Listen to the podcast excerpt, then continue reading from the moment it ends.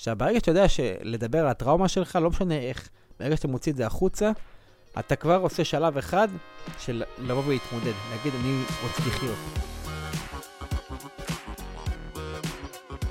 ברוכים הבאים להכל, הפודקאסט שבו נדבר על הכל, אבל עם כף לא עם קוף. היום איתנו דרור זיכרמן, אהלן. אהלן, ברוך הבא, כיף לארח אותך פה. כיף להגיע. אה, דרור באמת אה, מתעסק בכל מה שקשור לעולמות, ביום-יום, מתעסק בכל מה שקשור לעולמות הכושר, מאמן אה, נכים ובעלי מוגבלויות, נכון, הבעלים של סטודיו ספארו, ובנוסף, פעיל חברתי בכל מה שקשור לפוסט-טראומה. בהחלט. ובאמת על זה אנחנו הולכים לדבר היום, אז אה, קודם כל כיף שאתה כאן. אה, שנה טובה קודם כל, לא? שנה טובה, אבל אני לא יודע מתי זה יעלה. עכשיו ראש השנה, אנחנו ממש פה בראש השנה, אבל זה יעלה, ייקח קצת זמן עד שזה יעלה. אז אולי כבר יהיה איזה, אתה יודע, לא פסח נקרא. לא, לא יודע, אולי, יכול להיות, אין לדעת. לוקח לפרקים פה זמן לעלות, כי אני עושה, יש לי בנק של תוכן. אז כל פעם אני מעלה, קיצור כן, אני מבחינתי הגעתי בראש השנה, זה... שנה טובה לכולם. בדיוק. יפה.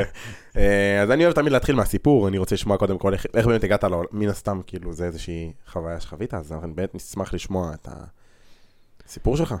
אה, אז ככה, וואה, אני- תמיד להתחיל כזה מהסיפור, זה מו- מוזר לי כל אפשר פעם להתחיל מחדש. עם משהו אחר, רוצה להתחיל עם משהו אחר? לא, לא, הכל טוב, אפשר לדבר, הכל טוב. אז אני בן 37, אני נפצעתי בצבא בשנת 2005, הייתי בן 20. אה, אני, בוא נגיד, to make, אה, נתחיל בגדול. אני נכה צה"ל, יש לי פציעה גם פיזית, גם נפשית. ואני בנוסף לזה פוסט-טראומטי. אני בא, מדבר על פוסט-טראומה מהמקום שאני כפוסט-טראומטי למדתי על בשרי איך זה לחיות ככה ואיך לדבר על זה ואיך לטפל בזה. אז אולי רגע לפני הפודקאסט, לפני שאתה מתחיל עם הסיפור, אפילו תסביר שנייה רגע, כדי שלכולם יסתדר, מה זה פוסט-טראומה בעצם, לפני הסיפור אפילו.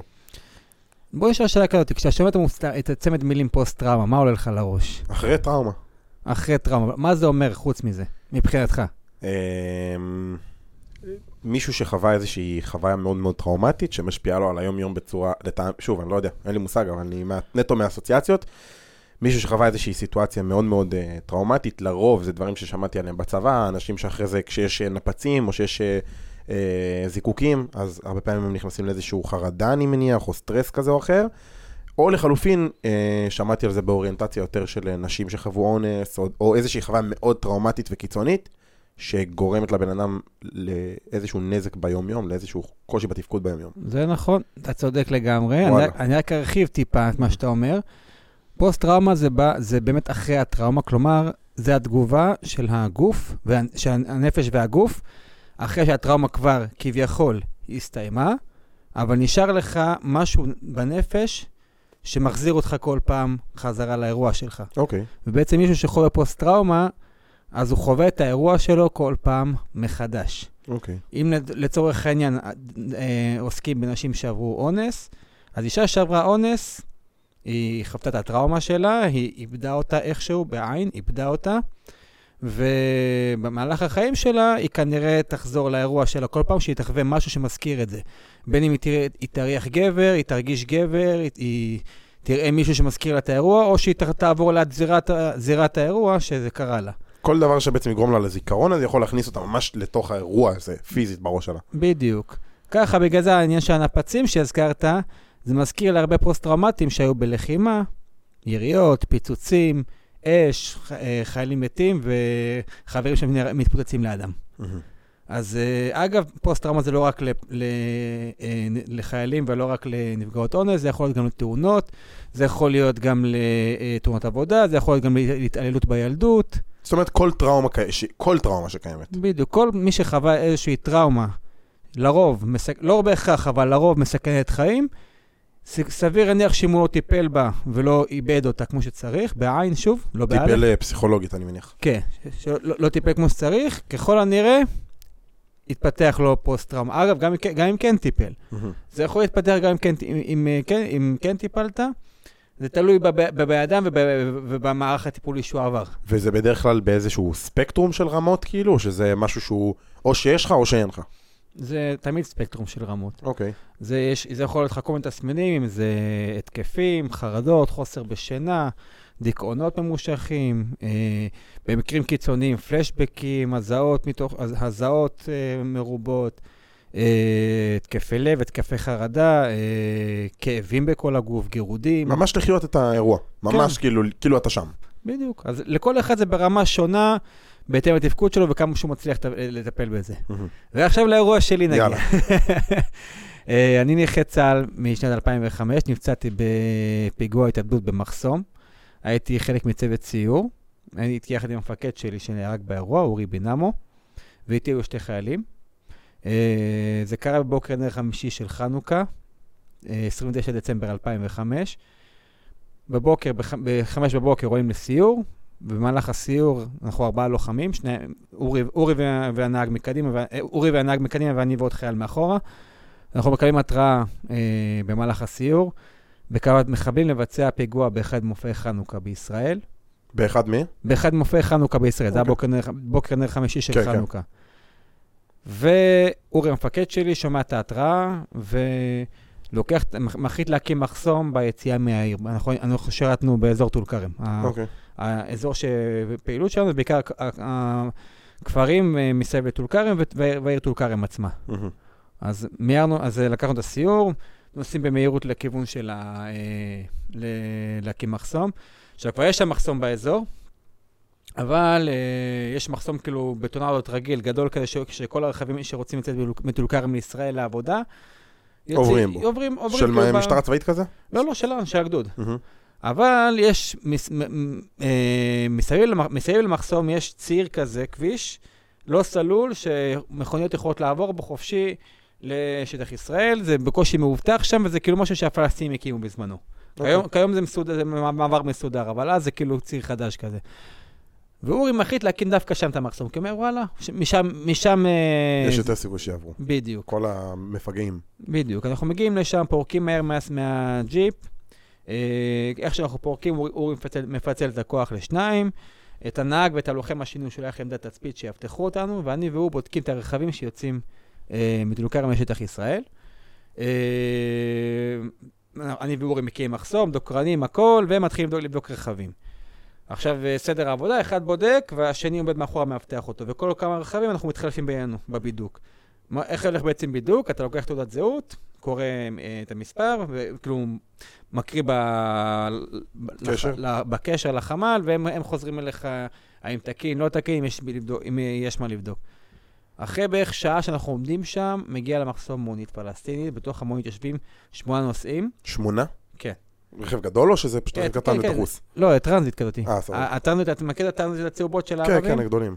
אז מגיע, אז מגיע מונית כזאתי, אה, זה התור של אורי לבדוק, הוא ניגש למונית, לוקח את כל התעודות זהות, מקריא אותם בקשר, אני, אני מקריא את זה ל, ל, נו, לחמ"ל, חוזרים אליי אחרי פחות מדקה, אומרים לי, יש חשד לגבי אחד מנושאי המונית, תוציאו את כולם מהרכב, תעשו להם בידוק קפדני. מה זה בידוק, בידוק קפדני?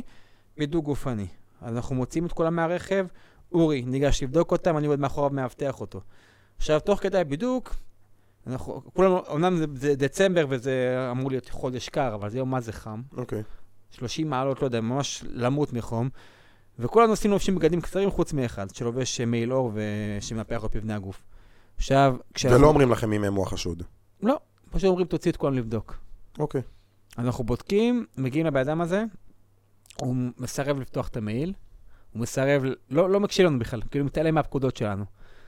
ואני רואה שמשהו פה לא מסתכל, משהו פה בהתנהגות שלו לא, לא, לא קשור, אתה יודע, אתה נכנס ללחץ, כאילו, אני, אני אומר, זה, אתה רואה מבט של, מבט של מוות בעיניים, מבט של, אה, של, כאילו, זה מחבל. כן. עכשיו, אתה, אתה לא, עכשיו יש לך הוראות פתיחה באש, אתה לא יכול אתה לראות. לא יכול. סתם לראות בו בדוק, בדיוק, אז אני, אני באותו רגע כן רוצה לראות. בו. אבל אתה דרוך כבר. אני מאוד דרוך, אני לוקח את הנשק, מכו... אני מעבר לדרוך, אני דורך את הנשק, מכוון לו לראש, וצועק עליו, תוריד את החולצה. עכשיו אורי, המפקד שלי, רואה את זה, "ס- סלי, מה אתה עושה? אסור לך לראות, זיכרמן, תוריד את הנשק, אסור לך לראות. אז אני מוריד את הנשק, ואורי פונה אליו, וצועק עליו בערבית, עיר פייר בלוזה, תרים את החולצה. איך שהוא בא להוריד את החולצה, פתאום הוא לוחץ על הכפתור, ואז בום. בן אדם לבש 30 קילו מטען חבלה עליו, בן אדם היה בדרך לביצוע פיגוע בישראל. וואו. עכשיו תחשוב, פיצוץ ענק, אורי עף לכיוון אחד. כמה, כמה, כאילו, אתם לידו, לא? אנחנו, אורי עשרה מטרים, ואני... אה, אתם רחוקים ממנו, אתם לא... יחסית, כן. מרחק כאילו של, שלא ידקור נגיד, סתם, שם דוגמה. כן. אוקיי. אני, אני לא חושב שגם דקירה זה היה בכלל אופציה באותה תקופה, כן. אבל אה, כן, אנחנו במרחק של אה, בערך עשרה מטרים. אני ממש, אני ממש מאחורי אורי. אז אה, רוב, הוא, הוא ספג את כל טוב, הפיצוץ. ההדף. לא, את ההדף אני ספגתי, הוא, הוא את הפיצוץ ספג, את כל האש והרסיסים והכול הוא ספג. אני בעיקר הדף ורסיסים בכל הגוף. שנינו נופלים לכיוונים שונים, ואני שכוב על הרצפה, אה, ואורי שכוב בצד שני. ואחרי ש- כמה, אני בהתחלה נשמע צרחות וכאבים, אתה יודע, נשמע בן אדם צורח, ואחרי ש- שלוש-ארבע שניות אני שומע פתאום עוד פיצוץ. אוי, אוי. הרימון של אורי שישב לו פה, מתחת ל- לקרמי, מתפוצץ גם. ואז מפסיקות הצרחות, ואני מבין שאורי נהרג באירוע. ואני אה, מנסה לקום, לא מצליח. כל האנשים האחרים אגב מתו במקום, אני מניח, לא? הם היו לידו כאילו. אה, אני לא, חלקם, לא, חלקם מתו, חלקם... אה, בחדשות כתוב, בחדשות כתוב שמתו שניים או שלושה, אני לא זוכר, אבל היו יותר. היו- שמונה במונית, כאילו כולל המחבל. אז זה שניים פלוס המחבל, וכנראה שהשאר או שנפצעו או שמתו, אני לא יודע, אני לא... לא כזה קריטי גם. לא, לא נכנסתי לזה אף פעם, לא, מהמם. לא, לא, לא נכנסתי לבדוק את זה אף פעם. אה, אני באותו רגע, אני על הרצפה, אני, אני לא יודע מאיפה אני מקבל כוח, אני קם על הרגליים, רגליים שמרוסקות לגמרי, כן? תבין שכאילו... מה זה מועסקות לגמרי? אם אתה צריך לתאר את זה ב... גרפי. אה, אני אגיע לזה עוד רגע, כן? אוקיי, אוקיי. אני קם, אני קם כזה על הרגליים, מתחיל לראות, מתחיל לראות לכיוון שפרצו עליי, כאילו, אני לא מצליח לראות שום דבר, כי הכל עשן, אבל... לכיוון ש? לכיוון שממנו היה פיצוץ. עכשיו, אני לא מצליח לראות שום דבר, כאילו, הכל עשן. תחשוב שהיה לפני שנייה פיצוץ, הכל עשן עכשיו.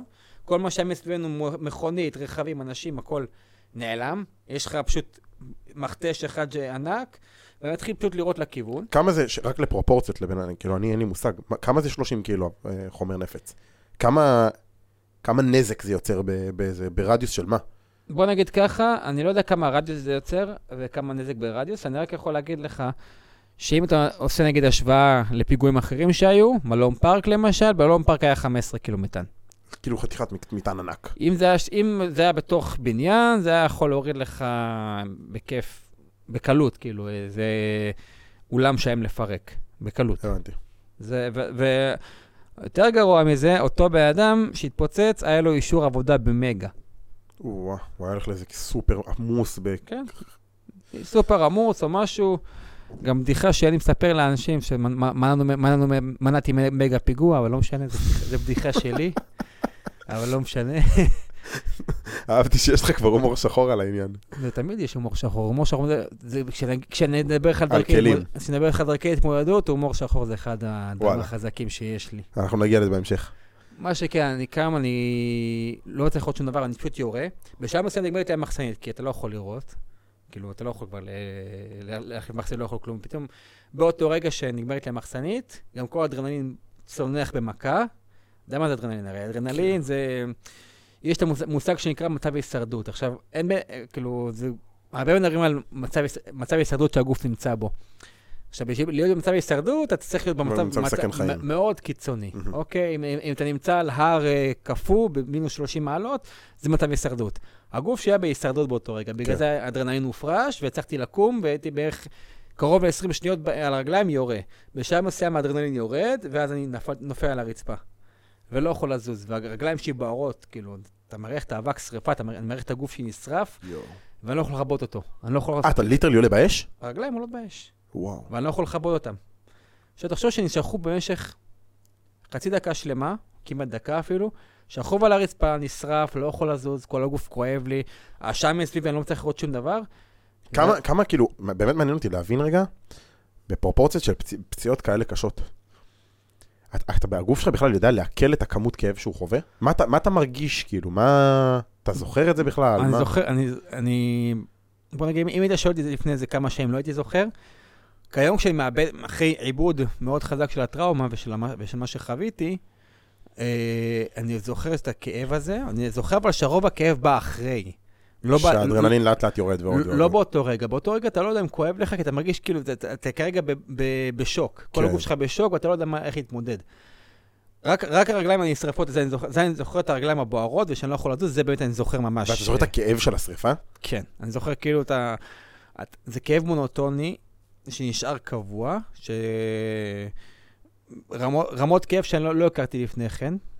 שתחשוב כאילו כואב לך מבפנים, מתוך הגוף, ואתה לא יכול לזוז. לא, אין, אין, אין, אין לי איך להבין את הסוג כאב הזה, כאילו, אני... זה לא כיף שאפשר להבין. כן, אני לא חושב שזה משהו שאפשר לתאר אותו במילים. זה לא כיף שגם אף בן אדם יודע שהוא יחווה אותו אי פעם בחיים שלו. אתה לא מצפה לזה בשום צורה. בדיוק. ורק רק בדיעבד אני יודע כמה כואב לי, כמה זה כאב באותו רגע.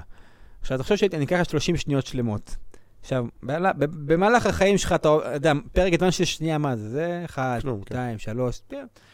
תחשוב שאתה נשרף, אתה סופר אחד, שתיים, שלוש, עד 30 ככה. אני, אני, זה, זה, אחרי 30 שניות באו החבר'ה ל- כבר ל... ל- השתיים שהיו למעלה. השתיים שהיו למעלה הספיקו להגיע אליי ולכבות אותי. אגב, כן? להם לא קרה כלום, אני מניח, הם רחוקים מאוד. אה, קרה להם קצת, הם היו רחוקים מאוד, אבל אחד נפצע אה, רסיס בירך, השני רסיס ב- ביד, וגם, תחשוב שזה מרחק של כמה עשרות מטרים, כאילו. כן, זה כבר כאילו- אז תחשוב, תחשוב, אם רסיס פגע וחדר להם חדר להם לגוף. לגוף ממרחק כאלה, תחשוב על הגודל של המטען. ואומרים כאילו להיזהר אחרי פיצוצים של טילים ודברים כאלה, ואנשים אה, קצת מזלזלים בזה. נכון. כאילו רסיסים וזה, בקטנה, כאילו... אתה לא רוצה שיפוע- שיפגע בך רסיס, זה לא כיף. כן. לא- לא לא להיט. לא להיט זה בטוח. אז uh, תחשוב שאני 30 שניות על הרצפה ככה, וכאילו כש... כשהם הגיעו, הם, על השנייה הראשונה חיבו את הרגליים, ובאותו רגע לוקחים אותי מאחורי הג'יפ, כאילו הייתי, הייתי באיזה נקודה כזאת שלא רואים כלום. ח... הם ממש לקחו אותי מאחורי הג'יפ, מורידים לי את הווסט, מורידים את הנשק, מתחילים טיפול ראשוני. עכשיו, כשאני, כשמטפלים בי, אה, אני בהתחלה לא מרגיש כאבים יותר מדי, אבל אני מרגיש עייפות. למה? כי ה... כל... ה- כי- קיבלתי פציעה מאוד קשה במפסעה, שפגע לי בווריד. אחד הרסיסים פגע ממש על וריד וישב על הווריד. במזל זה לא פגע בעורק. אם זה היה פוגע בעורק, לא היינו מדברים, לא, לא היינו מדברים היום. כן. זה פגע בווריד, ש... וזה מה שישב עליו, כאילו, על. זה, ולאט לאט הד- הדם יור... יוצא לאט לאט מהגוף. ואני מרגיש שאני עייף ורוצה רק להירדם. מאבד דם, כאילו. אני מאבד דם לאט לאט. כאילו, אתה מאבד המון דם. לאט לאט מהר מהר, זה לא באמת לאט לאט.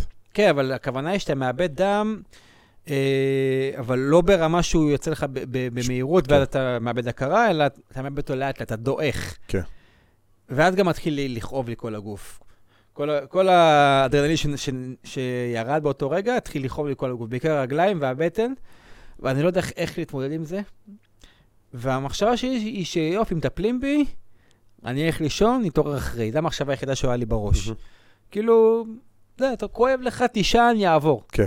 זה כאילו המחשבה שיש לא, לי. זה גם כאילו לי בראש אני כזה, אני שואל את עצמי מה אתה עושה בסיטואציה כזאת, זה כאילו כל מה שבא לך זה פשוט תן לי לישון ומה שיהיה יהיה.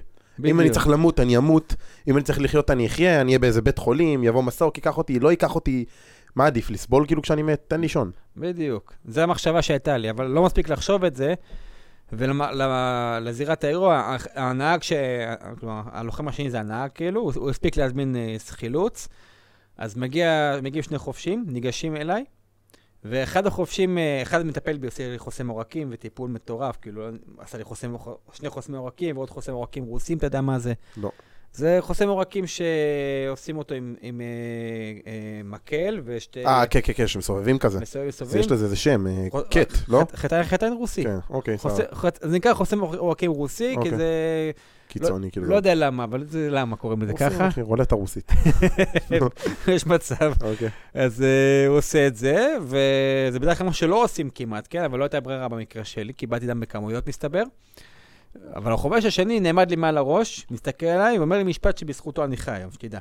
הוא אומר לי, זיכרמן, אתה לא ישן. אם אתה ישן, אתה לא מתעורר. יואו. למה, אסור לישון כשאתה בסיטואציה כזאת? מסתבר שאם אתה, אם אני ארדם, הדופק ירד במהירות, Mm.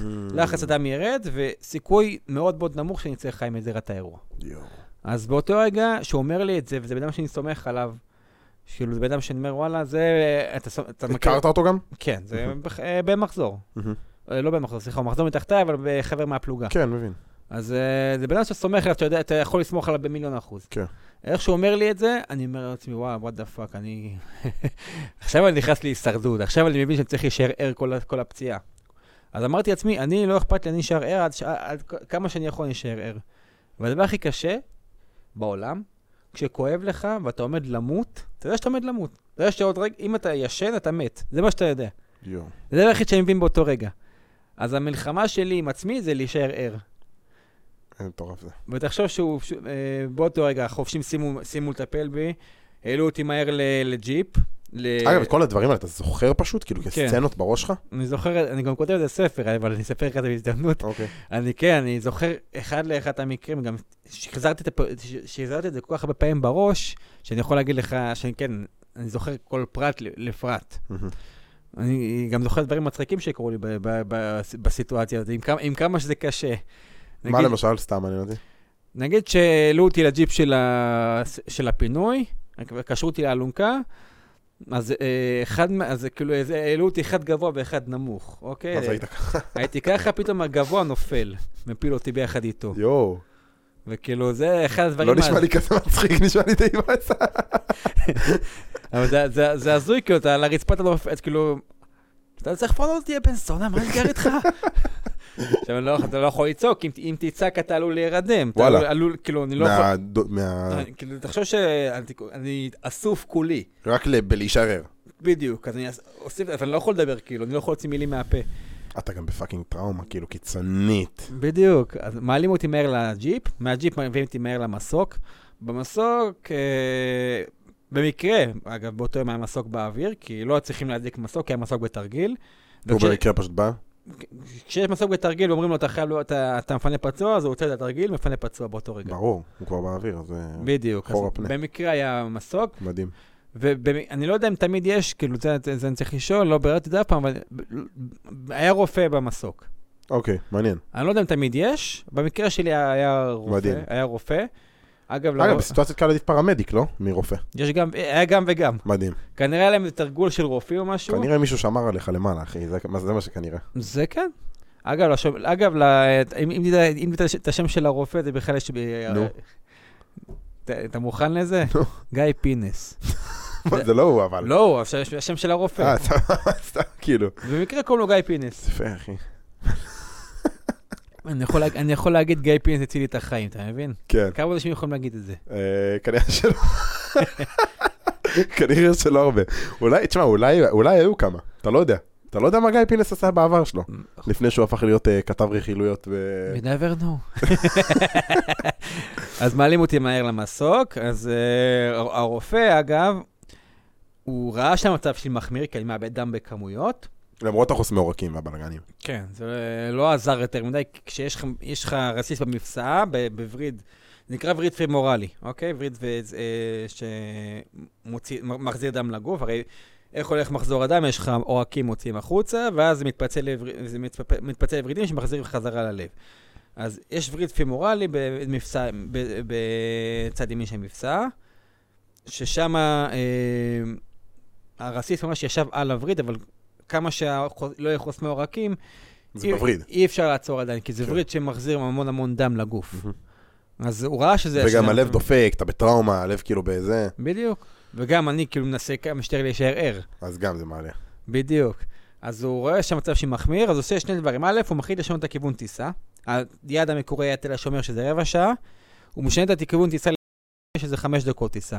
עכשיו, אה, זה בית חולים שהוא זה די סנדלריה שם. מה זה אומר? כאילו, סוגר פינות כאלה? בית חולים די, כאילו, כל דבר שהוא לא כלי דם, הם על הפנים. אוקיי. כאילו, כל... אבל זה כלי דם במקרה שלך. כן, זה המזל. אוקיי. זה בית חולים שכל, כל, אני תשאל הרבה אנשים שאם אי פעם תעשה סקר, על, ב- כאילו תעשה איזה תחקיר על בתי חולים, תגלה שרוב האנשים שלא היו מרוצים מהטיפול של אם זה לא כלי דם. וואלה. אבל בכלי דם הם מספר, אחת. אוקיי. הוא משנה את הכיוון טיסה לשם, ותוך כדי הטיסה הוא מדבר איתי. הוא מנסה להוציא ממני, להוציא ממני אה, מילים, עכשיו אני לא מצליח לדבר. כאילו, כל הגוף שלי אסוף, אני מדבר כך, הפה, הפה סגור, ואני... רק כאילו הוא מתרכז בלא לא להירדם. בדיוק. ואז הוא אומר לי, הוא מתחיל לדבר איתי, אני לא זוכר בדיוק מה, מה הוא שאל, אבל אחת השאלות שהייתה לו, זה, אתה יודע לאיפה אנחנו הולכים? אז- אז אה, אני אומר לו, לגן עדן, נכון? אז הוא אומר לי, היית בכאילו... בהכרה מלאה, כאילו. אבל היית בגן עדן בקטע... באיזה קטע ענית את זה? זה נשמע כאילו היית בסאטלה כזאת. כן, כאילו, תחשוב ש... אין- לי יותר מדי תשובות להגיד, הם הולכים לגן עדן כנראה, לא יודע למה אוקיי, זה. נו. ואז הוא אומר לי כזה, הוא ראה שאני כזה לא איתנו כל כך, אז הוא אומר לי, נראה לך שיש מכוערים כמוני בגן עדן, אתה חושב? שמה יש? הוא עושה לי, נראה לך שיש מכוערים כמוני בגן עדן, דיבר על עצמו, אני עושה לו, כן, אתה מכוער. ואז כזה, הייתה פרמדיקית, מה זה חמודה, שם שעזרה לי, כאילו, ב... עזרה לי, לי ו... ולא בטיפול, הוא, ראה, הוא, הוא מסמן, הוא בסדר וזה. הוא מסיים את השיחה, מגיעים מהר ל- ל- ל- לגג, מוצאים אותי מה, מהמסוק, מביאים אותי מהר מהר ל, ל, אה, חדר טראומה. לחדר, לחדר מיון שם, לטראומה. איך שאני נכנס לטראומה, אני רואה שם אחות, אה, ואני מספיק, אני, אני מספיק להגיד את, הפרטים, את כל הפרטים שלי, ואז אני, ואז אני מאבד הכרה. כי הרגשתי הכי בטוח באותו רגע שיה- שאני שם, כי אמרתי, הגעתי, זהו. הצלחתי להגיע, מה שיהיה יהיה. מה שיהיה. אני מספיק להגיד, להגיד את השם שלי, את המספר תעודת זהות, את המספר האישי, ובום, נוקאוט. מאבד הכרה, זהו, לא מצליח אה, להחזיק יותר. ושם אני בבית חולים, אני, אני עובר, עובר מוות קליני, בגלל ה... אשכרה. כן. שאגב... אה, איך לא אמרת לי את זה שלנושאים של השיחה, אני חייב לשמוע מה, אתה נורמלי? מוות קליני זה אחד הדברים המעניינים, אוקיי? אני אומר. זה- יוצא אצלך הפתעה, אה, חביבי. אוקיי. אמרתי, כאילו, אם כבר... אם- כבר אפקט ההפתעה עד הסוף. בדיוק. אז אה, במוות קליני שלי, אגב, יש לי סרטון בכאן 11, אם אי פעם תרצה זה. על זה? כן, עשיתי, עשיתי פעם סרטון בכאן 11, תחפשו דרור דרוזיכם מוות קליני, זה ישר תמצא את זה. אה, אז כאילו אני, במוות קליני שאני חווה, אני בעצם חוזר לזירת האירוע שלי, ואני רואה את הגוף שלי שלם על הרצפה, ואני כאילו יוצא מהגוף שלי. אוקיי. אני יוצא, יוצא, מתרחק, פתאום הכל נראה קטן מלמעלה, כל האזור נתניה, חדרה, הכל הזה נראה קטן, ואני עולה ומתרחק. בשלב מסוים הכל נראה ממש ממש קטן, לא מצליח לראות שום דבר, הכל כמו שאתה רואה מתמונות לוויין וכאלה, מהמם. ואני נתקל באיזה ענן. עכשיו, אני לא מצליח להיכנס, מנסה להיכנס, לא מצליח. בשלב מסוים אני דוחף את הראש חזק, הראש נכנס עד לפה, הגוף נשאר תלוי באוויר, ואני כאילו תקוע ככה, זה הרגיש לי נצח, כן? באותו רגע. ואני מרגיש שאני תקוע ככה באוויר. ובהתחלה אני לא מרגיש כלום. כאילו, אני רואה... טלפון שלך, כן. כן, נכון? הכל טוב, הכל טוב, אנחנו אותנטיים. אנחנו כן. בשיחות טלפון, אתה יכול לענות גם אם אתה רוצה. לא, אין מה היה- אני צוחק, אני צוחק. זה היה תזכורת. תזכור אותה, תאמין לי. כן. אמ, איפה היית? אה, אני כזה בא- באוויר, וה... הכנסת את הראש כאילו? מכניס את הראש, אני רואה, אתה מכיר שאתה יוצא, אתה מסתכל החוצה מטיסה ואתה רואה ענן ועל ענן כזה שמיים? בחוץ, כן. אז זה מה שאני רואה. בהתחלה לא קורה כלום, אבל אחרי כמה דקות מגיעה איזה דמות מרחוק, ממש... בהתחלה, בהתחלה זה היה כזה נקודה זוהרת כזאת, ואז לאט לאט היא מתקרבת אליה, מתקרבת. היא מסנוורת אותי ברמות שאני לא מצליח לראות שום דבר. ואז היא אומרת לי, אתה לא שייך לפה, מרימה את הרגל, דורכת לי על הראש, ד- מוציאה אותי החוצה מהענן, כאילו. מחזירה. אותי לאדמה. ואז אני, לאוויר, כאילו, אני, ואז אני לאט לאט יורד, יורד, חוזר לגוף הפיזי. חוזר לגוף ומתאחד איתו בחזרה. איפה, בבית חולים? כן, התעוררתי- ואז אני מתעורר בבית חולים בעצם. אשכרה. עכשיו, אני במוות קליני, אני כאילו ב... בהתחלה בקומה. בעצם מוות קליני נמשך בערך ש... שתי דקות, לא יותר מזה. אוקיי. ואז חזר לך הדופק, עשו לך כאילו החייאה כזה? כן. חזר הדופק, חשמל אבל... וזה, או... אה, זה אני לא יודע. אתה לא יודע. לא ביררתי עד... תראה מה זה כמה שאלות אני מתקיל אותך שאתה אפילו לא יודע. מה מסקרן אותי? לא, מעניין, כאילו... מחבלים מתו, מוות קליני של איזה, סתם. כל הדברים שלא... תשמע, זה לא, לא דברים ש... בוא נגיד, גם אחרי 20 שנה, אתה יודע, זה עדיין יכול, אתה יכול להתעניין בכל מיני דברים שקרו לך. זה, כן. בהחלט אה, לא, לא, לא שולל. חוץ מזה עברתי חשמולים אחר כך, כן? אבל זה כבר נושא אחר. באיזה קונטקסט? אה, בטיפול כאילו? טיפולים, בדיקות. אוקיי, בקיצור, אז אה, אז אני, מתעורר בבית חולים. בהתחלה, בהתחלה בקומה, אה, אני בשלושה ימים בקומה, שלושה ימים. ואני מתעורר בנר שמיני של חנוכה, שזה וואלה, חתיכת נס חנוכה של המשפחה שלנו. בהתחלה אני מתעורר בבית חולים, אני לא מצליח, לזו- אני לא מבין מה אני עושה שם, לא מבין איך הגעתי לשם, לאט לאט אני מתחיל להיזכר. מתחיל להיזכר, כאילו מגיעים אנשים, לא מדבר בכלל בהתחלה בטח. לא לא בכלל, לא מבין מה אני עושה שם בכלל, כאילו לא אני רואה חבר מהצבא שמגיע, ומתחיל לבכות כאילו, ואני לא מבין למה הוא בוכה. אה, הוא בא לחבק אותי, וכשהוא בא לחבק, אני, אני, זה, זה לא מישהו שאני מת עליו במיוחד, כן? מישהו, מישהו מהפלוגה שאם הוא, הוא בא להעיר אותי, בדרך כלל משהו שאני צריך לעשות ואין לי זין כן. לזה. אה, ואז הוא מעיר אותי והוא בא לחבק, אני לא מבין למה הוא מחבק אותי, אבל אני מחבק אותו, כאילו חזר, ואז איך שאני בא לחבק אותו, אני לא מצליח לקום. ואז אני לאט לאט מסתכל על הגוף שלי, אני טיפה עודף אותו, אני רואה שכל הגוף שלי מלא בתחבושות וברסיסים ובכוויות. אתה לא מרגיש כאב באותו זמן. לא, אז אני על מורפיום, אז אני אה, מרגיש, אז. הכ- אז, אז הכל כיף ופילים ורודים באותו רגע. אוקיי. והוא שואל אותי כזה, זה גם אחד שאני לא מת עליו, כן? אז הוא, פתאום הוא שואל אותי, אתה רוצה שאני אביא לך משהו? אמרתי, וואלה, בן אדם מבקש, הוא רוצה להביא לי משהו? יש לו, הוא רוצה משהו. כן. תביא לי פרקי ענבים. לא יודע למה ביקשתי את זה. עכשיו, אני בכלל להיות בטוח שהם בבסיס. אני עדיין, אני רואה את הפציעה ואני רואה, אני לא מבין שאני בבית חולים, אני אומר, תביא פרקת ענבים, תוך דקה הביא לי פרקת ענבים, רץ להביא לי. ואז אני לאט לאט מבין שאני רואה את הקיבוע על הרגל, ואני רואה את ה... אתה מתחיל להבין כאילו את הסיטואציה. בדיוק, ואני רואה, אני רואה רופאים לידי, ואחיות, ו... משפחה שלך איפה? עדיין בחוץ, מחוץ לחדר, עדיין לא, עדיין לא אמרו לו שהתעוררתי. לאט לאט אני מבין שאני בבית חולים. אני מנסה להבין איך הגעתי לפה, מה אני עושה פה. מנסה לשחזר, לשחזר, איך הגעתי למקום הזה. ובינתיים אומרים להורים שלי שהתעוררתי. אה, באים, הם באים אליי וזה, והם אומרים, נפצעת, ועברת פיצוץ מאוד קשה, ופיגוע, והצלחת, מ- מישהו שהיה טיפה יותר איזה ממך, למה צריך לשרוד את זה וזה. ומה השאלה הראשונה שאני שואל אותם? איפה אורי? Mm. אז זכרתי את אורי, זכרתי שהוא עמד לידי, זכרתי שהוא צורח. פתאום נזכר- נזכרת כאילו בדברים. כן, ואני אומרת לי, איפה הוא נעלם? אז בהתחלה אומרים לי שהוא נפצע קשה, והוא נמצא חדר לידי, והוא ב... ואני אראה אותו עוד כמה ימים. עכשיו, לא אומרים לי שהוא מת, כי לא רוצים שאני אקבל שוק, כן. כרגע, כרגע המצב לא ברור, ולא יודעים אה, איך אני אקבל את זה, אז אה, נותנים לגוף להתאושש לאט לאט. לגיטימי. כן, לא אמרתי לזה כלום. אה, ואז אחרי שלושה, ואז לאט לאט אני מסתכל על המצב החדש. עכשיו, סליחה?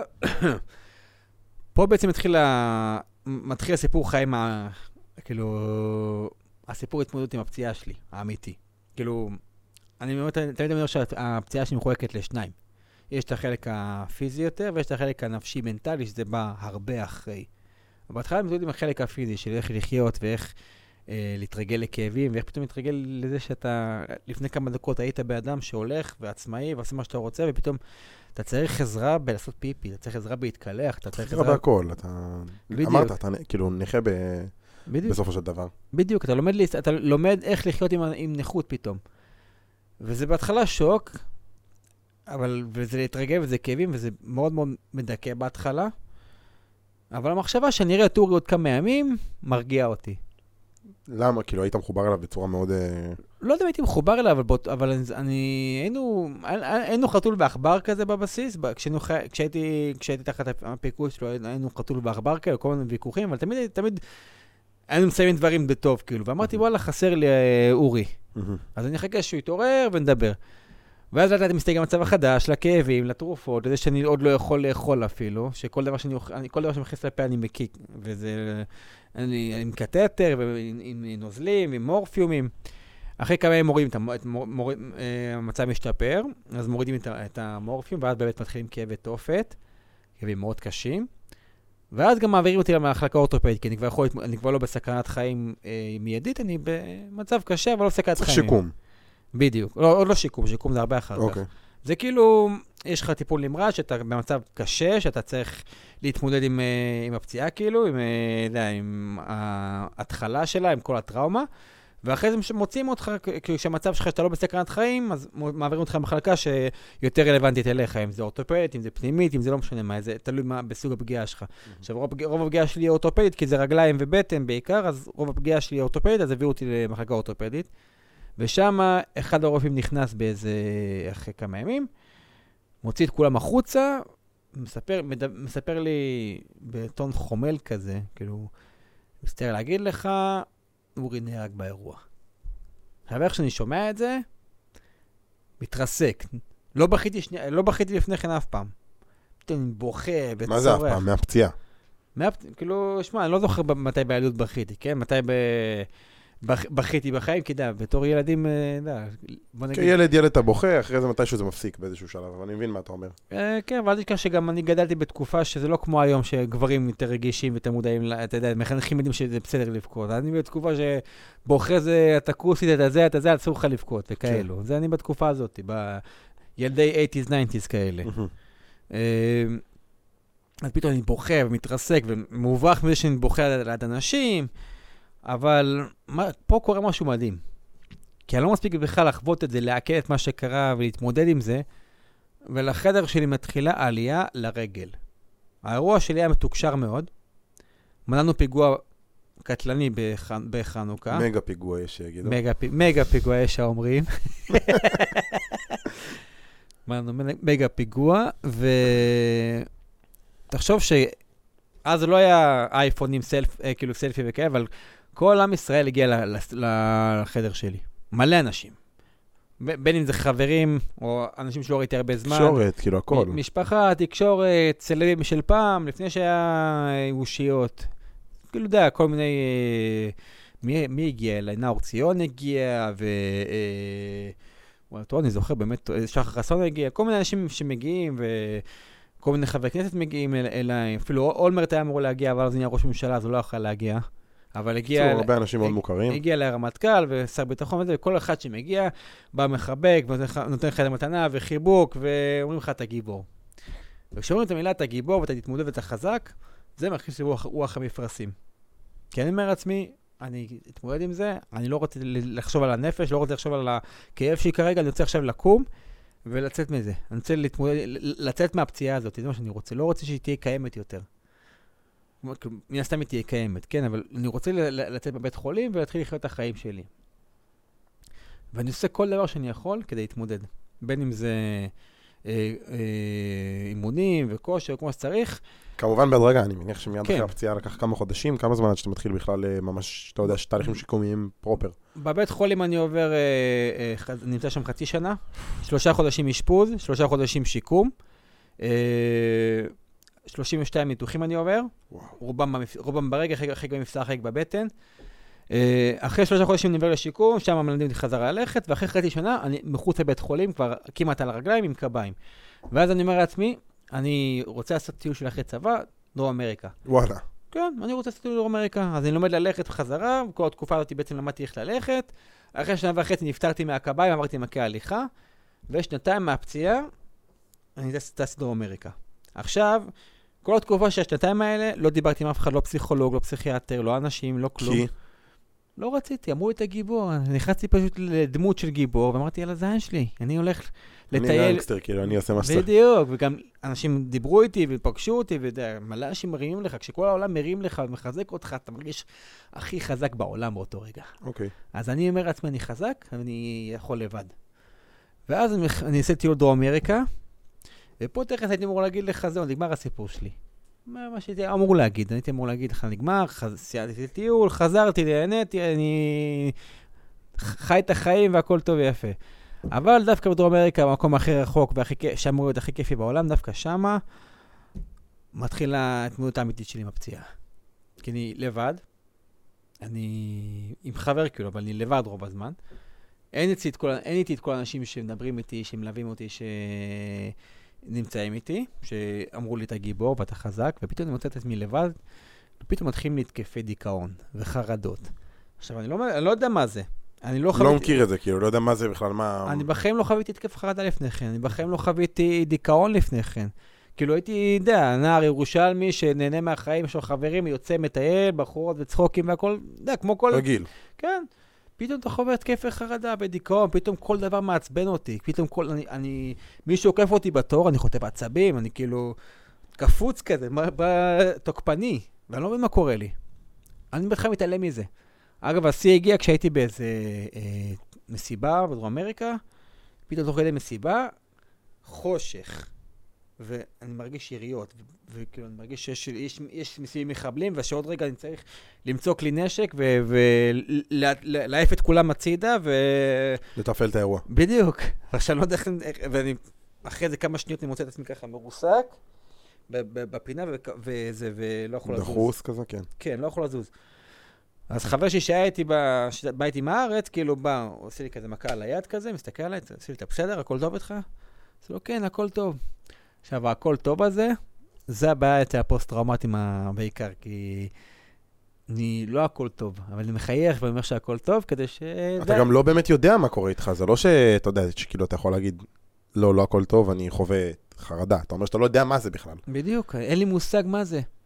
ואז אני חוזר לארץ, מרגיש בבושה מאוד גדולה, מרגיש דיכאון מאוד גדול, ואם לפני כן הייתי גיבור ישראל ואוהבים אותך ואתה חזק וזה, והיום אני מרגיש... הזמן עבר. הזמן עבר, אני מרגיש מרוסק, לא מתפקד, לא יוצא מהבית, חווה התקפים על שמאל, ברמה של מספר פעמים ביום. כן, ברמה שאני... בח... ב... אני יכול לישון לך בחודש שעתיים. עכשיו, הכוונה בלישון זה לא שאני באמת ישן שעתיים. אני ישן פה רבע שעה, שם רבע שעה, שם חצי שעה, אבל רוב הזמן אני, אני ער ודרוך, וואו. ולא מתפקד. איך הגוף לא פיזית קורס? הוא לא קרס. כאילו, הוא, הוא קורס... הוא במצב הישרדות. כן. לא, לא, לא הישרדות כאילו כמו באירוע, אבל כן במצב של... אה, שאתה קצת ישן, אתה טיפה עייף, אתה ישן, אתה מתעורר. כאילו. אתה ישן קצת עד ש- עד שהגוף לא צריך יותר, והוא כזה, יאללה, מספיק, לחץ. בדיוק. אין לי סדר יום, אין לי כלום. ואני מתבייש לדבר על זה. ואני מתבייש לח... למשפחה אני מסתיר את זה, מחברים אני מסתיר את זה, ומנהלתי קשר עם כל, עם כל העולם בערך. ואז אחרי זה שנה בערך, אני... שנה ש- שאתה חי ככה. שאני חי ככה, סיוטים, חרדות, התקפים. אני מתעורר באיזה, סיוט, כשכל המיטה שלי מלאה בשתן. עכשיו, תחשוב על איזה סיטואציה רגע. בן אדם בן 24, צעיר, כל החיים לפניו כביכול, מתעורר ב-4 לפנות בוקר בתוך השתן של עצמו. פה באותו רגע אני מבין, אני לא יכול לחיות ככה. אני לא יכול לחיות, לחיות בצורה כזאת. אני זכרתי שבבית חולים הציעו טיפול פסיכיאטרי, הגיע אליי פסיכיאטר, וגירשתי אותו. לא רציתי, אמרתי, לא רוצה לשמוע ממך בכלל. אז הוא אמר לי, טוב, קח את המספר שתתקשר אם תרצה, ויצא. כזה. אז זכרתי... היום, אגב, אני מניח שלא דברים, כאילו, לא ייתנו לבן אדם לעשות את זה. מה זה, מה זאת אומרת לא רוצה לדבר איתך? היום אין כאילו, דבר היום כזה. יש מודעות לדבר הזה. נכון, אז לא הייתה מודעות כמו עכשיו. כן. אז, אז כאילו, 2000, אני מדבר איתך 2006, 2007, כן. לא היה מודעות בכלל לעולם ה... מי מדבר על זה בכלל? כאילו, זה רק, רק, רק בשנים האחרונות יש מודעות לזה, ב-4, 5, 6 שנים, שנים האחרונות.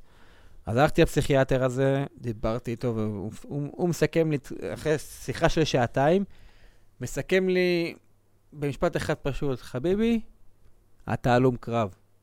אתה מתאר מצב של פוסט-טראומה.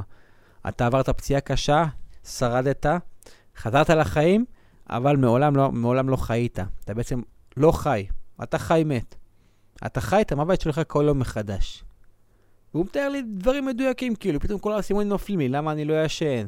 למה אני לא מתפקד? למה אני לא חי? למה, אני לא עושה עם עצמי כלום? למה, אני לא יכול, למה אני בדיכאון כל הזמן? למה אני בחרדה כל הזמן?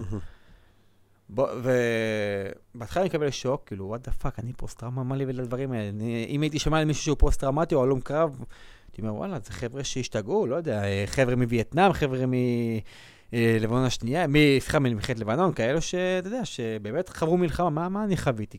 כאילו, חוויתי פציעה קשה, כן, אבל מה כבר עשיתי? מצד שני, אני אומר לעצמי, וואלה, יש שם לדבר הזה שאני סובל ממנו, פוסט-טראומה. עכשיו בעצם שם התחילה ההתמודדות האמיתית שלי. זה הרגע שבו התחילו ליפול האסימונים, כאילו. בדיוק. עכשיו, בהתחלה זה היה התמודדות מאוד קשה, כי הסתגרתי בבית. כי החלט- החלטתי, ש... כי ניסיתי לעבוד וללמוד, וניסיתי... אין הדרכה, זאת אומרת, אותו פסיכיאטר לא אומר לך, אתה צריך לעשות XYZ. הוא מביא לך כדור, אגב, אני בקשר איתו עד היום, כן, הוא אחר. הוא, הפסיכ... הוא האבא של הפצועים. מה זה אומר? הוא כאילו כל. כל הפוסט-טראומטים הלוחמים אצלו, וואלה. כולם. כאילו, לא כולם, אבל הרבה מכירים אותו, והוא אחד התותחים שיש, ואני בקשר איתו עד היום, אבל אה, אני, אני, אני בסופו של דבר לא מתמודד. אני מסתכל בבית, כי אני אומר, וואלה, יש לי תרופות, יש לי זה, אני מקבל כסף מהמדינה על, ה, על, על הפציעה, כאילו, אבל אין לי חיים, אני לא חי. כן. מנסה לעבוד, מנסה ללמוד, מנסה כל מיני דברים לעשות, לא מצליח למצוא את עצמי. כן. נמצא בתוך לופ של טראומה. ואז איכשהו, אני ככה כמעט עשור ככה, אוקיי. כמעט עשור, שאני מחפש את עצמי, לא עד מצליח... סביבות גיל 30 ו... עד לקראת גיל 30. וכבר אמרתי להכריז על עצמי שזהו, שבר כלי, לא מתפקד, אין, אין מה לעשות איתי יותר בכלל. אין, אין, אין לי איך להתמודד. כן. אבל דווקא ברגע הזה שאני מרגיש שאני הכי נמוך, שאני במקום הכי נמוך וגמור שלי ואני, ואני כלום, דווקא שם פתאום קורה משהו שמשנה את כל התמונה. מתחיל מבצע צוק איתן, במבצע צוק איתן הלכתי ספונטנית לבקר פצועים בתל השומר. ספונטנית. אני לא יודע איך הצלחתי לאזור כוח לצאת. אתה חושב שבן אדם שמסוגר בבית, שוקל איזה 130 קילו מה- מהתרופות ולא אוכל, ולא עושה ספורט, לא, לא עושה כלום. לא עושה כלום. שמן כאילו ממש. שמן, מעשן, לא שיש בעיה שמינים כחלילה, כן, לא, לא. לא בריא. אדם במצב לא בריא, מעשן מלא, שותה, לא שותה, אבל מעשן מלא, לא ישן ולא זז. הלכתי לבקר פצועים בתל השומר, ואני אני רואה אותם אה, מוקפים בהרבה אנשים שאומרים להם, אתם גיבורים, אתם חזקים, קטן עליכם. ובאותו רגע אני מקבל מין מראה לחיים שלי. מראה כזאתי. כאילו, מישהו שם לי מראה. ואומר לו, וואלה, החבר'ה האלה הולכים להיות כמוני. החבר'ה האלה הולכים לעבור את מה שאני עובר. הפוסט-טראומטיים הבאים בדרך. הם עוד לא פוסט-טראומטיים, הם רק טראומה, הם רק בבית חולים. ועוד איזה חודשיים, שלושה, ארבע, חמישה חודשים, שנה, החיים שלהם יתחילו לקרוס. בדיוק, הם יקרסו בדיוק כמו שאני קרסתי. ואז אני, באותו רגע, אני מכין שתי החלטות שמשנות את החיים. אחת זה לבקר פצועים באופן קבוע, ללוות פצועים, לדבר עם פצועים, לגרום לאנשים לדבר על הטראומה שלהם. עכשיו, ברגע שאתה יודע שלדבר על הטראומה שלך, לא משנה איך, ברגע שאתה מוציא את זה החוצה, אתה כבר עושה שלב אחד של לבוא ולהתמודד, להגיד, אני רוצה לחיות. אני, אני, אני מוותר על האגו שלי, אני... מעלה את זה למודעות. בדיוק. שלי אפילו. בדיוק. עצם זה שאתה מודע לזה שאתה עלול להיפגע נפשית ממשהו, זה צעד אחד בלמנוע מעצמך לעבור לפוסט-טראומטי, לפוסט-טראומטי, או, או לפחות לא להפוך לפוסט-טראומטי קש, בהתמודדות קשה, אלא להתמודד עם המצב הנפשי מההתחלה. והדבר השני שיצא לי לעשות, ש, שקיבלתי, ההחלטה השנייה שקיבלתי באותו זמן, זה היה פשוט להתחיל לחיות. החלטתי שאני, שלמרות הפוסט-טראומה, למרות הסבל, למרות שאני בקושי יושן, אני רוצה לחיות, אני רוצה להתחיל את החיים שלי. בזבזתי כמעט עשור, אני כבר בן 30 פלוס. צריך להתחיל לחיות. צריך להתחיל לעשות עם עצמי משהו. אי אפשר להיתקע בבית ולא לצאת מהבית. אז מפה הגעתי בעצם לכל הדברים שאני עושה כיום. אם זה... קודם חיפשתי קודם כל מה אני, מה אני יכול לעשות. מה. בכלל אני יכול לעשות. מה מעניין אותך? כן. שזה אגב, אה, אם כאן מדברים על כלים להתמודד עם פוסט-טראומה, לא כל אחד צריך לעשות אימוני כושר כמו שאני עושה, או אה, להיות מאמן. כל, אתה יכול למצוא את, את ה... את התשוקה שלך. בדיוק, את מה שעושה לך את זה, לשפוך את עצמך לתוך זה, ולהתחיל אה, ל- ל- ל- ליצור את העולם שלך. אז אני איך- איכשהו הגעתי לאימוני כושר. איכשהו, כאילו, פגשתי איזה מישהי, אמרה לי בוא תתאמן, בוא תתאמן אצלי, התאמנתי אצלה. התאהבת בעולם הזה? לגמרי. בעולם הקרוספיט וה- והאימונים פונקציונליים. ראיתי שזה, שזה עוזר לי עם הטראומה, אז uh, לקחתי את זה צעד קדימה, התחלתי באופן קבוע לעשות את זה. אני יודע, אני מספר לך את זה במאוד, מאוד, זה כאילו תהליך, ברור, תהליך ברור. שלם, אני מספר את זה מאוד בקצרה עכשיו, ברור. אבל uh, זה לקח לי זמן עד שהתחלתי לאהוב את זה באופן קבוע ולעשות את זה באופן קבוע, וכשראיתי שזה עוזר לי נפשית, שא', ירדתי ממני במשקל בזכות זה, ב', נפטרתי מכל הכדורים שאני מקבל. וואלה. אה, איך זה קשור לספורט? זה קשור לזה שכשאתה עושה ספורט, אתה בעצם נותן לגוף לרפא את עצמו. אוקיי, אתה מזרים יותר דם, יותר הורמונים מופרשים, יש לך הרבה הורמונים שמופרשים נכון. מהמוח, נכון. בין אם זה, אני לא אגיד שמות, כי אני לא כל כך מכיר אה, בעולם של ה... של ה אני לא כל כך מכיר את העולם הזה, אבל אני יכול להגיד לך שהרבה הורמונים, מופרשים, שהם בעצם יוצרים לך תהליך של ריפוי בגוף, אוקיי. בסופו של דבר. נשמע הגיוני. אז זה עזר לי להיפטר מכדורים נגד דיכאון, ו... ו... זה נגיד משהו שהוא גם מוכח, זאת אומרת, ספורט זה משהו שבהכרח עוזר נגד דיכאון. נכון, יכול להגיד שאני בתקופות שאני לא מתאמן, אני ממש, אני מרגיש על עצמי שאני נכנס לדאון כזה, כי אתה לא בתנועה, וכשאתה, נכון. וכשאתה לא בתנועה אתה נותן לגוף אה, להתכנס לתוך עצמו. והאנרגיה נתקעת והכל תקוע. בדיוק. מהמם. בשביל זה צריך אה, למצוא, את- למצוא את מה שיזיז אותך. אז בעצם מבחינת, בוא נגיד רגע שנייה, כלים באמת, אה, אם אנחנו צריכים להוריד רגע לכלים, לטיפים כאלה, שאתה אומר, יש פה איזה מישהו, יש פה איזה מישהו שמכיר מישהו, שהוא חווה פוסט-טראומה, שהוא מכיר מישהו ש... אתה יודע, שמתמודד עם הדבר הזה היום, ואולי אפילו לא בטוח שזה מה שיש לו, אבל אתה יודע, א', איך אפשר לזהות את זה על עצמך? נתת קצת סממנים פיזיים, כאילו, אתה יודע, מתעורר בלילה, חרדות, דברים כאלה, וב', איך להתמודד עם הדברים האלה. בין אם זה בזמן אמת, סתם דוגמה, מדיטציות נגיד, על חרדה, אני מניח שבטח יצא לך לה- להגיע לעולם. בין היתר. כן. אז איזה דברים היית אומר, וגם דברים שהם יותר long run, זאת אומרת, נגיד, תמצא לך איזה תחום שאתה תשוקתי לגביו, ותתמסר אליו. קודם כל, אם יש לך, את- אה, אם אה, אתה חווה התקפים, או שאתה חושב שיש לך התקפים, אה, קודם כל תלך לאבחן את זה. אתה לא יודע אם יש לך פוסט-טראומה, אבל אם אתה יודע שחווית משהו, איזה אירוע כלשהו ש- שלאו דווקא מסכן חיים, אבל כן אירוע שהשפיע מאוד על החיים שלך, מהמם. אז זה, זה לגיטימי ללכת להיבדק, זה לא בושה ללכת להיבדק, ההפך, זה- זה זכות ענקית שאתה, זה פריבילגיה. בדיוק. ואם אתה מרגיש שיש לך את זה, אז קודם כל, להיות שלם עם עצמך. אין בעיה, יש לך התקף, תהיה עם ההתקף, הכל בסדר. התקף זה הכל דרך של הגוף להגיד לך, אתה, אתה עוד חי. זה דרך של, של הנפש, להגיד, להגיד לך, אתה, אתה פה, והכל בסדר. זה להזהיר אותך כביכול ממשהו שעלול לקרות, כביכול. כן. אבל ממה שלא באמת קורה. כן. אה, כן ללכת לאבחון, כן ללכת לט- לטיפול, ולמצוא את הדברים שמחזקים אותך, אם זה שיחות, אם זה לשתף אנשים. אם זה לעזור לאנשים אחרים. בדיוק. אני יכול להגיד שמהניסיון שלי, עם השיחות שעשיתי עם המון חבר'ה, אה, עזרתי להמון חבר'ה אה, לצאת עם לא, לא יודע אם לצאת עם מצבים מאוד קשים, אבל כן להתמודד איתם, כן לחיות עם, ה, עם הטראומה שלהם. שזה מדהים. שזה אחד מהדברים שעשיתי אחרי הפציעה שלי, לא עם כול, עם- אחרי הביקורים של הפצועים, סליחה, בבתי חולים שעשיתי. לצערי לא עם כולם הצלחתי. אני יכול להגיד לך שכל השנה יש לך בין 15 ל-20 פוסט-טראומטיים אה, ששמים קץ לחייהם, לצערי. שמים קץ לחייהם. כן. כמה אנשים אה, פוסט-טראומטיים, אה, נקרא לזה, נוצרים, אני אומר במרכאות, בשנה? ממוצעת, כאילו, יש לזה איזושהי סטטיסטיקה? המון, כאילו. באלפים, אני מניח. כן. מהצבא, לא, מהצבא לא אני בהכרח יודע. צבא, אבל אה, הרבה. יש לך המון מקרים של פוסט-טראומה. אגב, פוסט-טראומה זה לא, כמו שאמרנו, תאונות דרכים, אה, אונס, הכל. יכול להיות מהרבה, מהרבה מקרים. אתה פונה בעיקר לאנשים שחוו את זה מהצבא, אני מניח. אני פונה בעיקר אליהם, אבל לא רק. אני, השיח שלי, השיח שלי מדבר על צבא ועל... כן, כי זה מה שאתה חווית, כן. ברור שהרבה יותר קל לך. אבל כל, כל מי שיש לו פוסט-טראומה יכול להזדהות עם זה. כל מי שיש לו... ש... זה בסוף אותו דבר, כאילו, כמה שאפשר להגיד.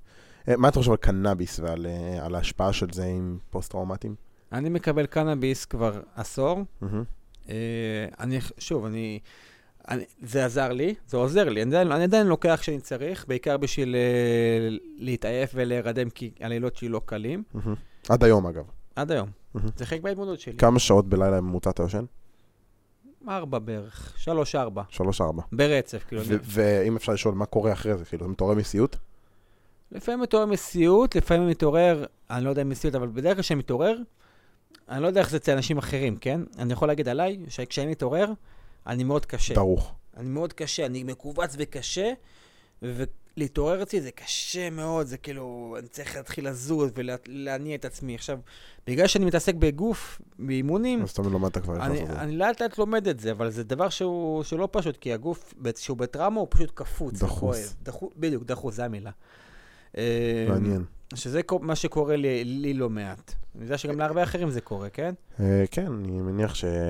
ואני, אגב, אני כן בעד קנאביס, אבל הבעיה עם קנאביס, שבשלב מסוים זה הופך, זה, להרבה אנשים זה הופך לדבר, במקום שזה יהפוך לכלי. לכלי. הבנתי. זאת אומרת, זה הופך להיות יותר מדי כבר נורמטיבי, זה הופך להיות ממש הדרך חיים שלהם, והדרך שלהם להתמודד עם הכל, במקום כאילו באמת לטפל בבעיה, הם כמו פלסטר במקום בדיוק. לטפל בשורש הבעיה. בדיוק, שהם הם- מעשנים בכמות, עכשיו, אני, שוב, אני בעד לעשן, אני בעד, אני בעד, בלי קשר לפוסט-טראומה או, או קנאביס רפואי, אני בעד אה, לגליזציה לגמרי, אבל זה לא קשור לזה. אני כן יכול להגיד שזה, אה, כשאתה הופך את העישון ואת השימוש בקנאביס באופן קבוע, אז בסופו של דבר יזיק לך. כן. אני לא- גם רואה את זה על אנשים שאני מכיר, אפילו לא קשור לפוסט-טראומה. זאת אומרת, זה משהו שאם אתה מאמץ אותו כאיזשהו דרך חיים, הוא קצת באיזשהו מקום מנוון לך את המוח, נכון, אתה מאוד. הופך להיות מאוד... אה, אתה יותר מדי חי את הרגע. אתה כאילו לא חושב על העתיד, אתה יותר מדי מתעסק בכזה... נכון, בסאטלות שלך בסוף. בדיוק, וזה... זה לא מקדם אותך לשום מקום, זה, כן. זה, זה על אחת כמה וכמה בשום פוסט-טראומה, ש... בכלל תקוע, כאילו. ב- בדיוק. מה שכן, אה, יש, עוד, יש עוד אה, דבר אחד שאני לא שאגב, קנאביס זה לא, לא מתאים לכל אחד. אני יכול להגיד יש אנשים שזה מעורר להם חרדה גם. בדיוק.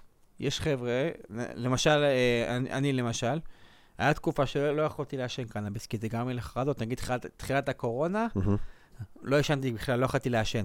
וואלה. הייתי- זה- זה היה מעורר בך חרדה. הייתי מעשן, הייתי מעשן והייתי מקבל התקף חרדה ישר, כי פתאום סגר, פתאום אסור לך, אתה חייב להישאר בבית, אתה לא יכול לצאת, וזה, להשאיר פוסט-טראומטי בבית בתקופה של סגר, זה מתכון ל... בלאגן. לבלאגן, בדיוק. ל... כי ל- הכל צף. בדיוק. מעניין.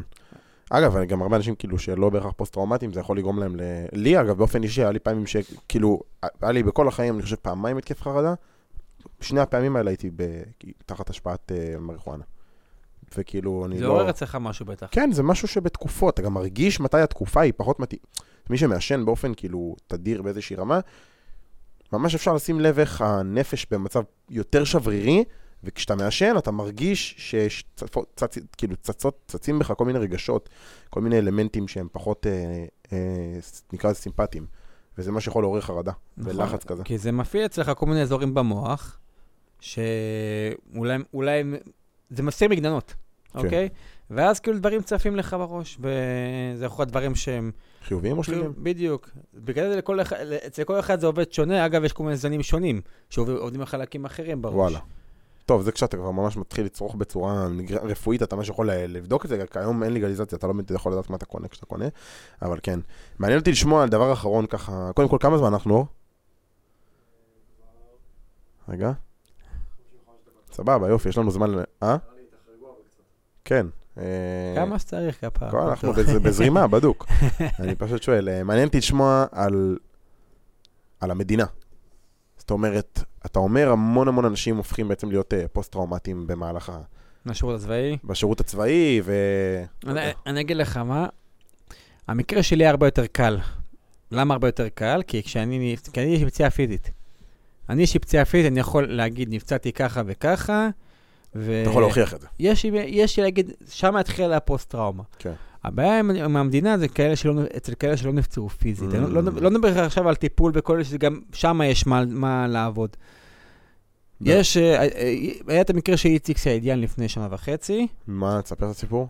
איציק סעידיאן נפצע, אה, נפצע לא פיזית, נפצע ממש, ממש, ממש קל פיזית בסג'איה.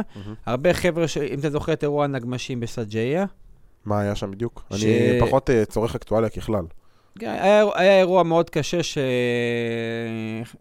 נגמשים ב- בסג'איה, שנגמש, עם הלבנה? שירו אה, אה, טיל על אחד מהנגמשים, כל, כל Mm. החבר'ה מהנגמשים נהרגו, חוץ משני חיילים, והיה עוד נגמש אחד, אז באחד מהם היה איציק סעידיאן, אם אני לא טועה. והוא לא- לא נפצע פיזית קשה מדי, אבל הוא נפצע נפשית מאוד מאוד חזק, הוא עבר פוסט-טראומה מאוד מאוד קשה, ובשלב מסוים הוא לא קיבל הכרה מהמדינה כמו שצריך, אמרו, אמרו לו כל מיני דברים, אה, עיכבו אותו בתביעות, בוועדות, בסופו של דבר החליט לפני שנה וחצי להצית- לה- להצית את, את עצמו מול אגף השיקום. כן. שרף את עצמו. נזכרתי ב... הוא שרף את עצמו, והאירוע שלו פשוט עורר תסכול והד מאוד רב של המון פוסט-טראומטיים שמרגישים מנוכרים מהמדינה. כן. שהמדינה בעצם, הטיפול בפוסט-טראומה מאוד לקוי, מאוד לא, מטופ... מאוד לא מתופעל, ולקבל הכרה על פוסט-טראומה זה תהליך מאוד ארוך וקשה. כי מצפים ממך כל הזמן אה, להוכיח שיש לך להוכיח. פו- להוכיח שיש לך ואתה גם ככה לא במקום הנפשי בכלל להתחיל להתמודד עם זה. בדיוק. ופתאום, אתה יודע, אתה צריך לעשות דברים. אתה בקושי מצליח, כאילו, אתה אומר לקום בבוקר מהמיטה, אתה בקושי מצליח להתמודד עם ה... שהם הם רוצים להוריד אותך מזה, כביכול. אתה רוצ- מרגיש שזה מגיע משם, או שזה מגיע ממקום מקום של בורות וחוסר ידע? גם וגם. היום זה, אין, אין, היום זה כבר לא חוסר ידע ובורות, כי בכל זאת מכירים, אבל uh, כל הקטע שכביכול הם רוצים שלא יהיו מתחזים. הם רוצים ש... הם, הם פועלים כמו, כמו, כמו, כל חברת ביטוח שאומרת, אנחנו לא רוצים שיהיו יהיו לנו מתחזים, להביא סתם כסף למישהו. ואין זה- דרך אה, באמת לאבחן את זה בצורה שהיא לא פסיכולוגית, נקרא לזה שהיא... אין דרך, לה- לא, נקרא לזה ממש... אתה יודע, יש דרך פסיכולוגית, אה, כאילו... לא יש- פסיכולוגית, הכוונה שלי, אין דרך שהיא, נקרא לזה ודאית, שאתה יכול להוכיח שאתה פוסט-טראומטי. זאת אומרת, זה נטו המילה שלך בסוף. בדיוק, זה בסופו של דבר נטו המילה שלך, ולהיזכר באיזה אירוע היית ומה קרה וזה, וזה עכשיו, זה יכול גם רצף אירועים. זה יכול להיות מישהו שהיה, לא יודע, שירת במג"ב, היה בהיתקלות פה, היתקלות פה, היתקלות פה, היתקלות פה, ראה חברים שלו מתים, ראה חברים שלו נפצעים, נהיה לו פוסט-טראומה מזה, ולא מתפקד. כן. אתה מבין? זה פתאום, ואומרים לו, לא, היית בילדות ככה, וההורים שלך התגרשו, וזה מה שגרם. וזה מה שגרם לך להיות משוגע כמו שאתה היום. והם הבנתי. עושים את זה מלא פעמים, היום כבר פחות עושים את זה. מאז שהתחילו הרפורמה בזה, שיש בשנה האחרונה, זה באמת התחיל, שינוי לטובה. אמנם לא מספיק, אבל התחיל משהו. שזה כבר התקדמות זה כלשהי. כבר התקדמות. אז המדינה בסופו של דבר מערימה קשיים, אבל כן יש עקומת למידה, וכן יש uh, הרבה דברים שפועלים לטובה. עם זאת, יש גם המון בורות בנושא, כי אני יכול להגיד לך עכשיו, יצא עכשיו חוק נכים חדש, של דיור ורכב או משהו כזה, שיפור בתנאים של הדיור והרכב, שאיטיים מיטיבים, כי זה לא קשור לפוסט-טראומה. אבל כל מה שקשור לפוסט-טראומטיים, פשוט נשכח בחוק הזה. אשכרה. זה אמור לעבור עכשיו. זה לא עבר בסוף, כי הפוסט-טראומטיים הפגינו. אז. אז זה בסוף לא עבר. מבחינת, אה, מעניין אותי שאלה, ככה, זה חיור, דבר אליי. אה, מה אתה מרגיש? אני נגיד, אחי הקטן התגייס ללוחמה. ואותי זה כאילו, זה מאוד מפחיד באיזשהו מקום. כי אתה יודע, אני אומר לעצמי, בואנה, כל אחד יכול לחוות את זה. כל אחד יכול לחוות איזו התקלות, ווואלה, יש מצב שזה יהרוס לאח שלי את החיים באיזשהו מקום. וכאילו, אתה יודע, מה הייתי אומר, א', מה, מה המסר שלך ל... מהאספקט הזה? בין אם זה לחיילים עצמם, למשפחות, להורים? קודם כל, מה אתה חושב על אה, אני יודע, יש חבר'ה שלא יסכימו איתי, אבל אני כן בעד לג- לגיוס קרבי עדיין. אני כן מאמין, אני כן מאמין שהמדינה המדינה צריכה לוחמים בשביל להגן עליה. ברור. אה, לאותו חייל אני אגיד, האם קיים סיכוי שיקרה משהו? הסיכוי הוא 100%, אוקיי? יכול לקרות משהו. אתה בלחימה, אתה בשמירה, אתה בפעילות, 100% שיכול לקרות משהו. אתה צריך להיות מוכן לזה. אבל, ת- אבל תהיה בטוח שכיום, אם יקרה משהו, יש הרבה יותר מודעות למה שקורה. כלומר, זה לא כמו פעם שלך תחפש אה, מי, מי יעזור לך. היום יש הרבה יותר מודעות, וחשוב שהוא, שהוא הוא ידע את זה, ושזה שזה לא מה שיטריד אותו. כן. אבל כן, זה כן בהחלט מפחיד אה, אה, מבחינת משפחות, שהבן שלך נשלח לח- ל... פעילות או- לאיזושהי פעילות ויכול לקרות לו משהו. אבל שוב, זה, מהדברים שצריכים להיות מוכנים אליהם. אתה מרגיש שאם וכשיהיה לך ילד, אתה היית רוצה שהוא ילך להיות לוחם? לא הייתי, לא הייתי רוצה שהוא יהיה לוחם, אוקיי? אבל אם זה מה שהוא ירצה, אז שזה שלום. ל- לך על זה בכל הכוח. מעניין. יפה מאוד. Uh, טוב, בוא תספר קצת על ההרצאות שלך, ככה לסיום. תן לנו ככה, תספר קצת מה אתה עושה ב- מהאספקט הזה, ובאמת, מה, Mm. איך אתה מפיץ את הערך שלך. אז אה, אחד מהדברים שאני דיברתי עליהם קודם, זה שההתמודדות, של, אחד הדרכים שלי להתמודד עם פוסט-טראומה, זה לדבר על זה, זה לשתף. לפני ארבע שנים התחלתי לדבר מול ב, בכל מיני מקומות, לספר על זה, על, על התמודדות, על הפציעה, וראיתי שזה עושה לי טוב. והתחלתי, להעביר הרצאות בכל מקומות, אה, בהתחלה בהתנדבות ואז בתשלום בכל מיני מקומות, ועשיתי מדי פעם כזה. ואז באיזשהו שלב קרה מקרה שגרם לי להפוך את ההרצאות למשהו שאני עושה באופן קבוע. ב-2019 יש, אה, היה מישהו בשם רדאי פילס, פוסט-טראומטי שהתאבד. הוא נחשב להרוג ה-74 של אסון המסוקים. פשוט הוא לא יכל לסבול את הטראומה, הוא סחב את הפוסט-טראומה שלו 22 שנים. יולי 19 החליט להת- להתאבד. אז הסיפור הזה די שבר אותי, כי זה בן אדם שלא הכרתי יותר מדי, אבל באחת, הוא היה באחת ההרצאות שלי. וואלה. בסוף ההרצאה הוא ניגש אליי ואומר לי, הלוואי הייתי יכול לדבר כמוך. עכשיו, כשמישהו אומר לך, אתה לא חושב יותר מזה, אתה אומר תודה וזה. שזה עובר לידך באיזשהו מקום, כי כבר אתה מקבל אה, 15, 20, 200 איש אחרי הרצאה שבאים אליך. ואומרים לך את זה, זה כאילו נהיה שקוף. בדיוק. ובאותו רגע, את- כשהוא- שזה קרה, אמרתי, וואלה, כמה מילים אתה יכול, כמה מילים לבן אדם, אתה מדבר איתו יותר, מחזק אותו יותר, אולי זה יכול להימנע איכשהו, אולי. שוב, אני לא לוקח אחריות על שום דבר, כן?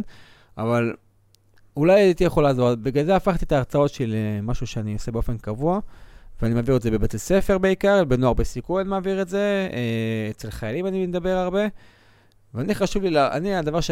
ה- המסר העיקרי שלי לחיים זה להעביר, זה להעלות מודעות לפוסט-טראומה, זה מה שחשוב לי. מדהים, אני עושה את זה בכל מקום, בכל מקום שאני יכול.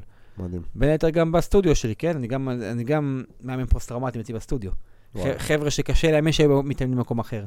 אצלי מרגישים בנוח. כן, כי הם מרגישים בבית יותר. מרגישים שמישהו שחווה את זה איתם ביחד. אני יכול להגיד שאימון כושר זה אחד מהדברים שהכי עוזר לי להתמודד. ואני כן עוזר לה- להם בדרך מסוימת, בדרך שלי. מדהים. תשמע, קודם כל יש לך סיפור מטורף, אני בטוח שאתה יודע את זה, שאתה לא צריך ש... שאני אגיד לך, אבל יש לך סיפור מטורף, אה, אתה יודע, אתה, אתה קצת, אפילו אני מרגיש שאתה קצת מקטין ממנו, אתה כמה פעמים זרקת פה אפילו כזה, הסיפור שלי לא כזה גדול, הסיפור שלי זה, אבל שמע, חווית את מה שחווית, ואתה יודע, זה בסוף משהו שרוב האנשים, אם לא, הרוב המוחלט של האנשים לא יחווה משהו שאפילו קרוב לזה בחיים שלהם, והתמודדת עם זה, ואתה עדיין מתמודד עם זה, אני רואה. וזה מ- מדהים, אחי, כאילו, באמת מעורר השראה. אני רואה אנשים ש... אתה יודע, אני אומר על עצמי, קל לי לבוא ולהגיד, כאילו, בסוף זה הכל עניין יחסי. אני רואה את עצמי, אני אומר, אוקיי, הנה, אני גם בן אדם שלוקח אחריות על החיים שלו, אני גם טה-טה-טה-טה, והרבה יותר קל לבוא ולהסתכל מהצד ולהגיד, אה, נו יופי, אז שיקחו אחריות על החיים שלהם. כאילו, הנה, הוא עשה את זה. אבל בסוף אני מבין שזה משהו שהוא הרבה יותר עמוק, וכשהיית שם בהתחלה, היית צריך לעבור את העשר שנים האלה של התהליך, כדי להגיע למצב הזה, שאתה יכול להתמודד עם זה בכלל. וא', אחי, כל הכבוד. זה מדהים, אחי, וואלה, מדהים, זהו. כיף לי שבאת לפה, היה פרק מדהים. פרה עליך. יא מלך. היה לי כיף. באמת היה לי כיף, כאילו, לפרוק. כן, וזהו, אני שמחתי לבוא, שמחתי לדבר. מדהים, אחי. אני שמחתי לתת לך את הבמה, אני מרגיש שזה גם אה, באמת יכול לתת פה ערך לאנשים שמאזינים, לאנשים שאפילו מכירים מישהו. אגב, אם אתם מכירים מישהו, אם אתם מכירים מישהו שיש לו פוסט-טראומה, או אתם חושבים שיש לו פוסט-טראומה, או שאתם מרגישים שיש לכם, לא לפחד לדבר על זה, לא להשאיר את זה לבד, לא להשאיר את זה ב- אצלכם. כן. להוציא את זה החוצה, ככל שתוציאו יותר דברים החוצה, ככה הנפש תהיה, תרגיש יותר נקייה ותוכלו תוכלו ל- ל- לתת מקום, לתת לעצמכם. להתמודד וגם לקבל כלים. זאת אומרת, אם בן אדם לא יבוא וידבר, אז, אז הוא לא יקבל את הכלים. גם אתה אמרת שעד שלא הלכת לפסיכיאטר הזה, אז לא התחלת לקבל כלים, לא התחלת לקבל מודעות. רק כשאתם מעלים משהו למודעות אצלכם, זה כל דבר, אגב, זה לא רק פוסט-טראומה, זה בכל דבר בחיים שאנחנו רוצים להשתפר בו, אנחנו חייבים ללמוד עליו, נכון. אנחנו חייבים לדבר עליו, אנחנו חייבים כאילו לצרוך תוכן, אפילו כושר נגיד, קח את התחום שלך של הספורט. עד שלא התחלת לעשות, לדבר, לשמוע, לא התחלת להשתפר בזה. אז ויש תמיד, ו- ויש תמיד מה להשתפר, יש כל הזמן. תמיד, עולם מתפתח, גם בפוסט-טראומה אגב. כן. יש מלא טיפולים, מלא דברים שאפשר לעשות. לאו דווקא כושר, אבל יש, יש נגיד חבר'ה שיכולים לכתוב. אני מכיר, אני יכול להביא לך פה מלא חבר'ה ש- עם פוסט-טראומה שהוציאו ספרים, שמספרים על הפציעה שלהם. אגב, אני גם מוציא ספר. וזה עוזר, כן? מתישהו, כן. כבר כתוב, אבל לא, עוד לא הוצאתי. בתהליכים.